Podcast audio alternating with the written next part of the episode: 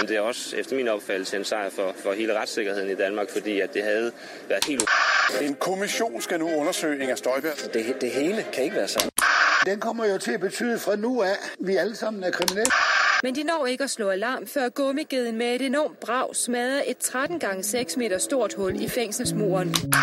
Og vi ved så ikke, hvad der sker med den her domstol. Hvordan vil den tolke lovgivningen?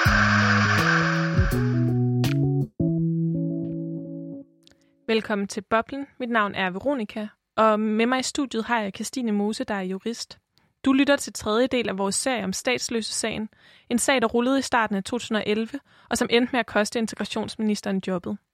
I første del talte vi med journalist Ulrik Dalin om, hvordan han sammen med sin kollega på Information fik et tip og begyndte at grave i sagen. Og i anden del talte vi med seniorforsker i Merita Eva Erspel, der er ekspert i indfødsret, om hendes rolle i sagen dengang i 2011, og hvilken betydning hun mener, den sag har fået sidenhen. Hvis du ikke har hørt første og anden del af serien endnu, vil jeg anbefale, at du lytter til dem, før du hører denne tredje del.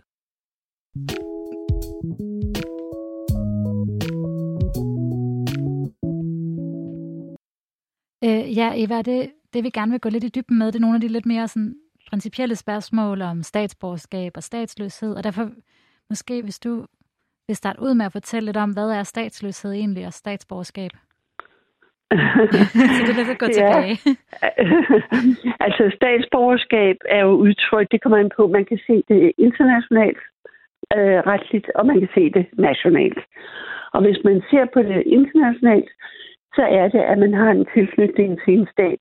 At staterne indbyrdes kan sige, at den og den person hører til mm. der og der. Og det vil staterne jo gerne. Øh, de vil gerne have, at der er statsløshed. Der er personer, der ligesom svæver frit i luften og ikke har en konkret stat, de hører til. Og hvor de kan søge beskyttelse. Så er der jo selvfølgelig nogen, der ikke får beskyttelse, og som bliver flygtninge. Og i gamle dage, der anså man ligesom statsløshed og flygtning for det samme, nemlig når en stat ikke beskyttede, beskyttede sine, menneske, sine borgere, øh, og de blev flygtninge, og så blev de ofte statsløse. Mm. Så så man det som to sider af samme sag. Det er det jo ikke i dag, det ved vi jo godt. Mm. Men der er rigtig mange mennesker, der er statsløse. Og en af dem, der ligesom har lavet den her beskrivelse meget godt om, hvad er det, det betyder at have en statsbeskyttelse, det er jo det nationale. At selvom vi har menneskerettighederne, selvom vi har menneskerettigheder, vi siger der for alle, så er det jo det at have statsborgerskab i en stat, det er det ultimative for, at man kan få alle rettigheder, og det ultimative for, at man i den bedste af verden i hvert fald kan få statens beskyttelse, hvis man for eksempel er ude for staten. Der sker et eller andet diplomatisk konsulær beskyttelse osv. Men det er jo også kun statsborgere, der har demokratiske rettigheder, for eksempel ret til at stemme ved folketingsvalg i Danmark. Øhm, så det er vældig betydningsfuldt, og jeg har lavet interview med statsløse, og de siger jo, at altså, statsborgerskab, det betyder allermest i hele verden for mm. mennesker, der er statsløse. Når de får det, så er det det største.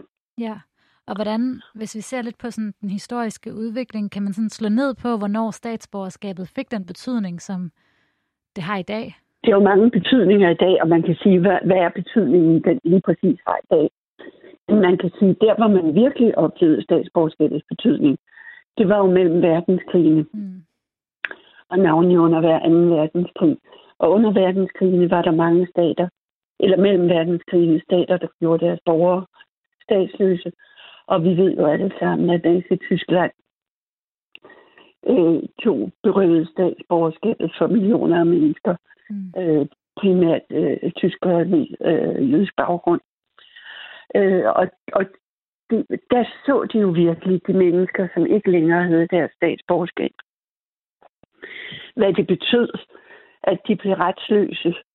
Øh, og hvis de prøvede at flygte til et andet land, så skulle man så tro, at de andre lande ville hjælpe dem.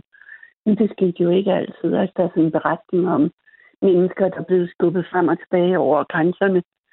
Øh, og vi har også der er en forfatter, der hedder Lone Rynis, der har skrevet nogle fuldstændig øh, forfærdelige beretninger også om Danmark, hvor man faktisk prøvede at komme af med mennesker, der var statsløse, fordi ellers så ville det være Danmark, der skulle tage sig af dem. Og staterne har jo en stor, et stort ønske om selv at kunne bestemme, hvem der indvandrer i deres land. Og det vil sige, det at være statsløs, det er ikke at have nogen sikkerhed, nogen fundamental sikkerhed i nogen stat. Og derfor var det, man efter 2. verdenskrig først lavede en konvention, der sikrede statsløse nogle rettigheder som statsløse, så de ikke var fuldstændig retsløse. Og derefter arbejdede meget med at få vedtaget en konvention om, faktisk var der to konventioner, en om afskaffelse af statsløshed og en om begrænsning af statsløshed. Og den om begrænsning af statsløshed, det er jo den, vi taler om i dag fra 1961. Den blev vedtaget i lyset af, af alt det, der skete øh, før og under 2. verdenskrig. Mm. Fordi man ikke ville komme i den situation igen, at mennesker var helt retsløse. Og ja. så alligevel, så er der jo, regner man med, på verdensplan op mod 10 millioner statsløse mennesker. Ja, og det er jo, øh, og det, nu nævnte du i forbindelse med, med at du øh, at snakke om det her med, at, øh, at, at statsborgerskabets betydning jo især bliver central under, under verdenskrigen, især under 2. verdenskrig, og det her med, at der samtidig stadig er utrolig mange øh, der er statsløse. Vil du ikke prøve at sige noget om, altså, hvad det er ved statsborgerskabet, der gør, at det at det er så vigtigt for staten at have kontrol med, hvem der får adgang til det, at man, og også det her med, at man simpelthen har kunne lave denne her øh, praksis, som uanset hvad der ligesom er årsagen til, at den praksis ender med at finde sted, så ender den jo med at betyde, at der er nogen, der bliver øh, begrænset i at få adgang til, til nogle grundlæggende rettigheder, som de egentlig, egentlig har ret til. Altså, hvad er det ved statsborgerskabet, der gør, at man hvad kan man sige, har så stor en diskussion om, hvem der har, må få adgang til det også i dag, hvor det også er en del af den, den politiske debat i utrolig høj grad om, hvem der må få dansk statsborgerskab? Ja, altså det er, jo, det er jo det med, at staterne ønsker, og det er jo faktisk derfor, det har været så, altså verdenserklæringen af menneskerettighederne indeholder en regel, eller en regel, ja, det kan man godt kalde et princip, om at enhver har ret til et statsborgerskab. Også vedtaget i lyset af det, der skete under før hver 2. verdenskrig. Men den er jo aldrig blevet inkorporeret som alle de andre rettigheder øh, fuldt ud i menneskerettighedskonventionerne. Og det er, fordi det er så vigtigt for staterne, som du også siger, selv at bestemme, hvem der bliver en del af statssamfundet. Og det er, er jo reflekteret i det, som vores egen statsminister har sagt her for nylig, at hun synes, at konventionerne beskytter de forkerte. Mm. Og det er jo en øh, meget øh, altså, slående udtalelse, synes jeg, som fuldstændig bryder med det, som man var fuldstændig enige om, at alle har brug for en stat, og alle har brug for en statsbeskyttelse. Og så må man tage sig af de borgere, man har, og at borgere for eksempel, der, der den stat, der er nærmest til at give en person beskyttelse, det er jo den stat, hvor en person bliver født og vokser op i. Og det er jo det, man har prøvet at løse på de her konventioner. Øh, og det, at man så nu også siger, nu vil vi tage statsborgerskab fra folk, og vi vil udfordre konventionen, øh, det var jo ikke det, man kunne håbe på efter den her konvention. Fordi nu fik jeg ikke sagt, og det er jo fordi, der er så mange ting, man gerne vil sige. Men jeg synes jo, at sagen var rigtig vigtig, øh, fordi den, øh, den afslørede, at vi her i landet havde mange statsløse, som ikke var registreret som statsborgere, mm. som statsløse. De var registreret som statsborgere i den stat, de kom fra, selvom de reelt var statsløse. Det var jo også Ulrik Dalins og Anton Geist øh, arbejde, der førte til den viden, fordi mange mennesker henvendte sig og sagde, hvordan får vi vores rettigheder? Og så sagde myndighederne, jamen du er jo ikke statsløs, der står her, du er statsborger fra Syrien eller yeah. Myanmar eller et eller andet sted. Og så sagde jeg er statsløs. Nej, du er registreret som noget andet. Og der fandt man ud af, at registreringen var forkert. Og det betød jo, at hvis vi dengang øh, havde omkring 3.000 statsløse i Danmark, så har vi jo nu øh, 8.000 eller mere, øh, fordi at vi også har fået en korrekt registrering. Måske er den da ikke helt korrekt endnu, men registreringen er jo rigtig vigtig, for at folk kan få deres rettigheder, og deres børn kan få deres rettigheder. Øh, og der vil jeg sige, at der, der er også sådan lidt et uskyldstab, synes jeg, hvor man tænker tilbage, det er ikke så lang tid siden, vi havde statsløse øh, sagen. Og der må man jo sige, der bliver Røn Hornbæk øh, fortalte om den her sag om efteråret, så sagde hun, selvfølgelig skal vi overholde vores konventionsforpligtelser. Det er en selvfølge, og det skal være en selvfølge. Og nu har vi pludselig en retorik, der handler om, og det skal selvfølgelig ses i lyset af alt det, men nu oplever man fremmedkrigere med forskellige andre ting og statens sikkerhed. Men alligevel, så skal man virkelig passe på, at man ikke kaster de dyrekøbte erfaringer, man har gjort om, hvad statsløshed betyder over bord, under sådan et øjeblikkeligt indtryk. Mm. Ja, fordi øh, hvad, vil du prøve lige at sætte nogle, øh, nogle få ord på, hvordan du, øh, hvordan du ser, at, at altså, den her diskussion omkring, øh, omkring øh, statsborgerskab og hvem der, har, øh, hvem der har ret til det. Altså nu, nu nævner du det her med, at, at da Birte Røn øh, blev, øh, blev orienteret om det her, så, så sagde hun, selvfølgelig skal vi overholde konventionerne. Er det en anden debat i dag? Ja, i dag hedder det jo, at, og, det, og det startede jo allerede der efter 15, der hed det pludselig, at konventionen skulle udfordres.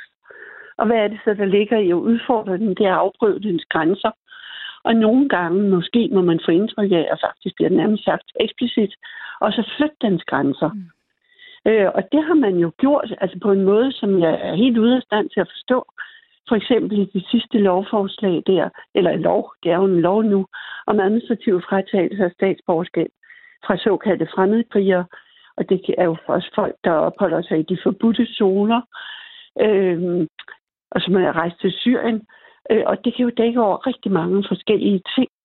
Øh, og der siger man øh, i, i forarbejderne til det her, eller i lovforslagsbemærkninger, at statsløshed, det er ikke kun, og det er simpelthen i strid med, hvordan man læser konventionerne. Det er i strid med øh, retningslinjer guidelines, der var dengang, og der er lige kommet en ny guideline, der fuldstændig tydeligt siger det, at statsløshed det afgøres i det øjeblik, man fratager statsborgerskab. Hvis vedkommende på det tidspunkt, lige på det tidspunkt, ikke har et andet statsborgerskab, så bliver vedkommende statsborger, statsløs, hvis man tager statsborgerskabet fra den pågældende. Men det siger man ikke. Nu siger man, at, øh, hvad hedder det, hvis vedkommende måske kan, eller kan registrere sig, man må formode, at vedkommende kan registrere sig et andet sted, og erhverve et statsborgerskab, så kan man også fratage statsborgerskabet. Mm. Det er et skridt, der går ud over, hvad man kan udlede af konventionerne. Og jeg vil sige i strid med konventionerne. Og det sidste, der er jo sket, det er jo, at integrationsministeren har sagt, at nu vil man rette henvendelse til lige, ligesindede til sådan nogle restriktive typer som Danmark, restriktive lande som Danmark, øh, ligesindede lande, jeg ved ikke, hvor mange der er så ligesindede, og se, om man kan fratage statsborgerskab ud over det, man gør.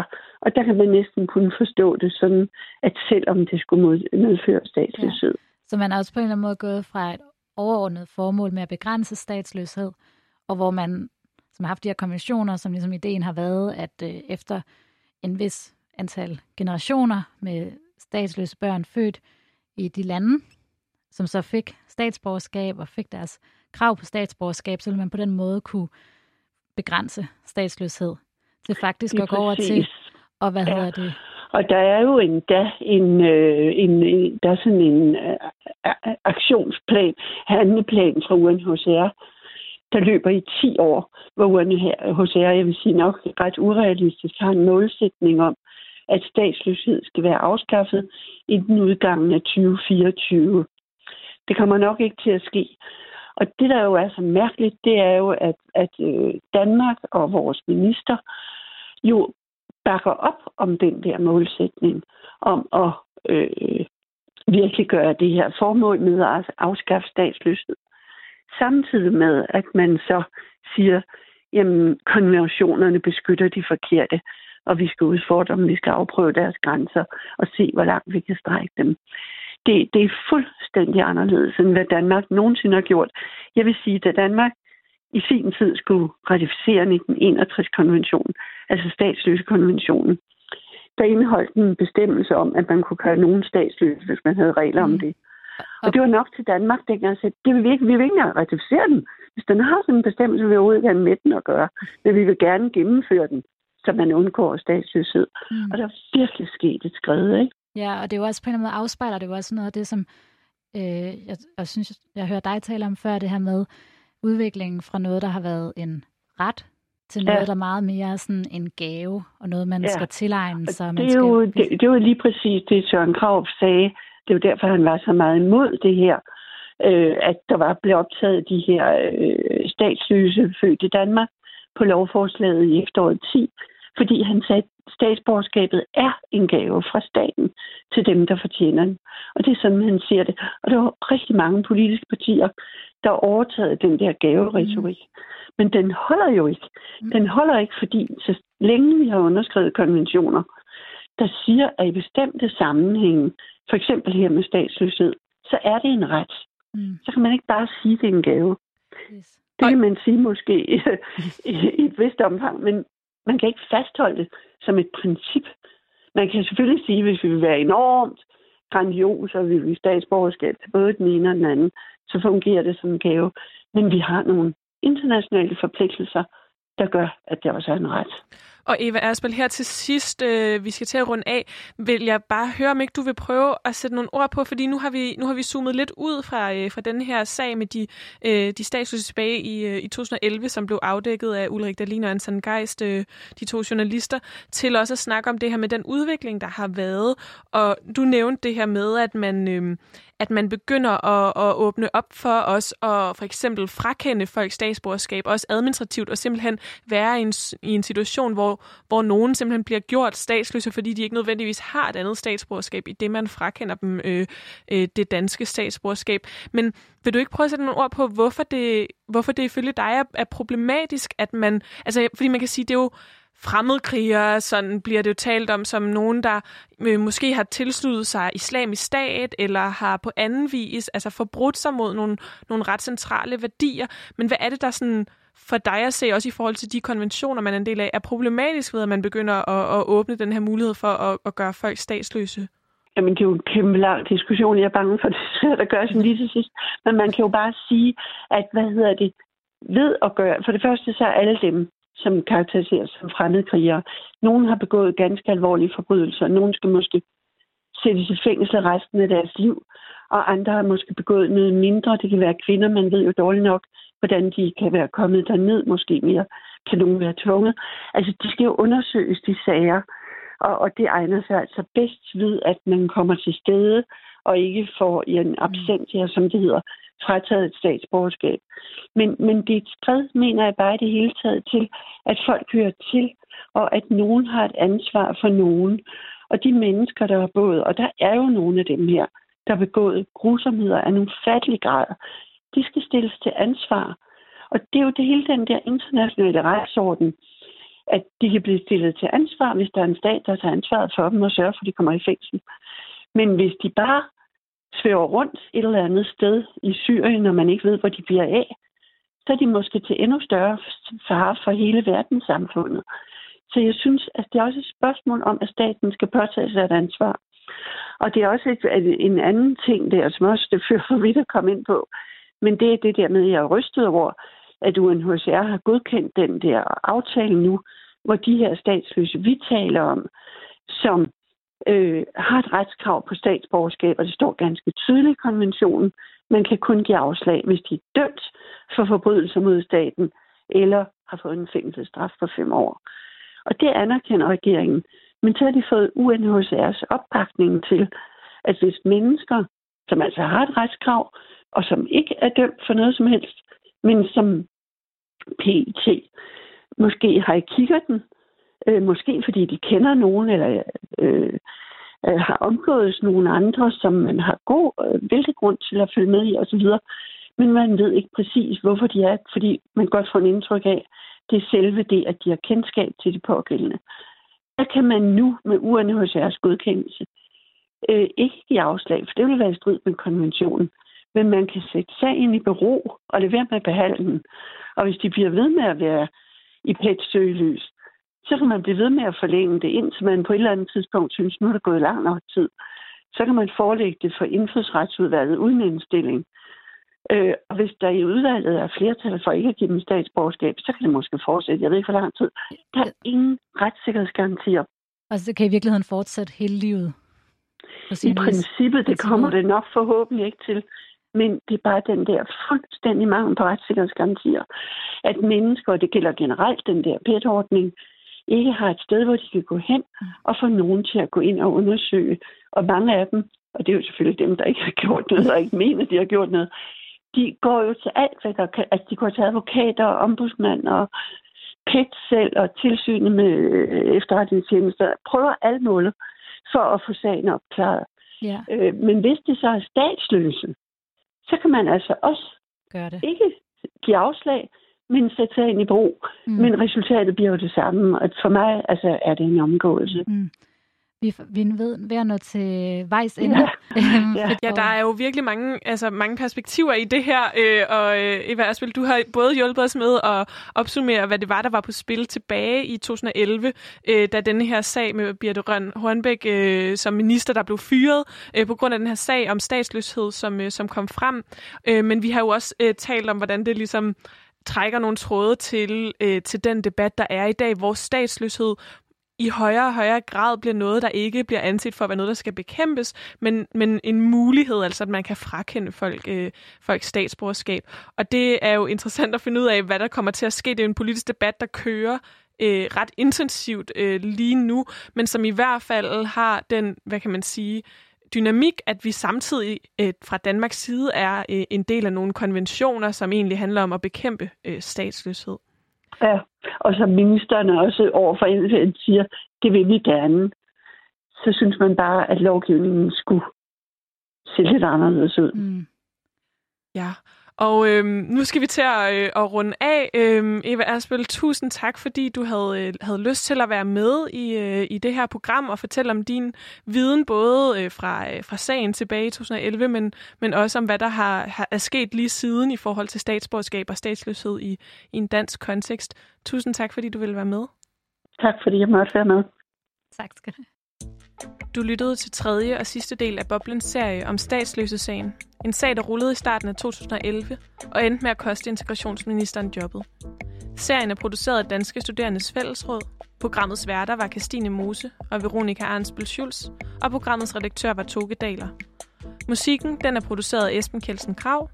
Tak til Ulrik Dalin, Eva Erspel og til Celeste Borgkost Fagerskov, der læste op i seriens første del. Og tak til jer, der lyttede med. Hvis du sidder tilbage med nogle spørgsmål til jura, lovgivning og retssystemet, eller hvis du har undret over noget, du har hørt jurister, advokater eller andre eksperter snakke om i forhold til jura, så vil vi rigtig gerne høre fra dig, så vi kan lave et program om de spørgsmål, som du sidder med. Send dine spørgsmål ind til boblensnableradioloud.dk eller find Radio Loud på Facebook eller Instagram.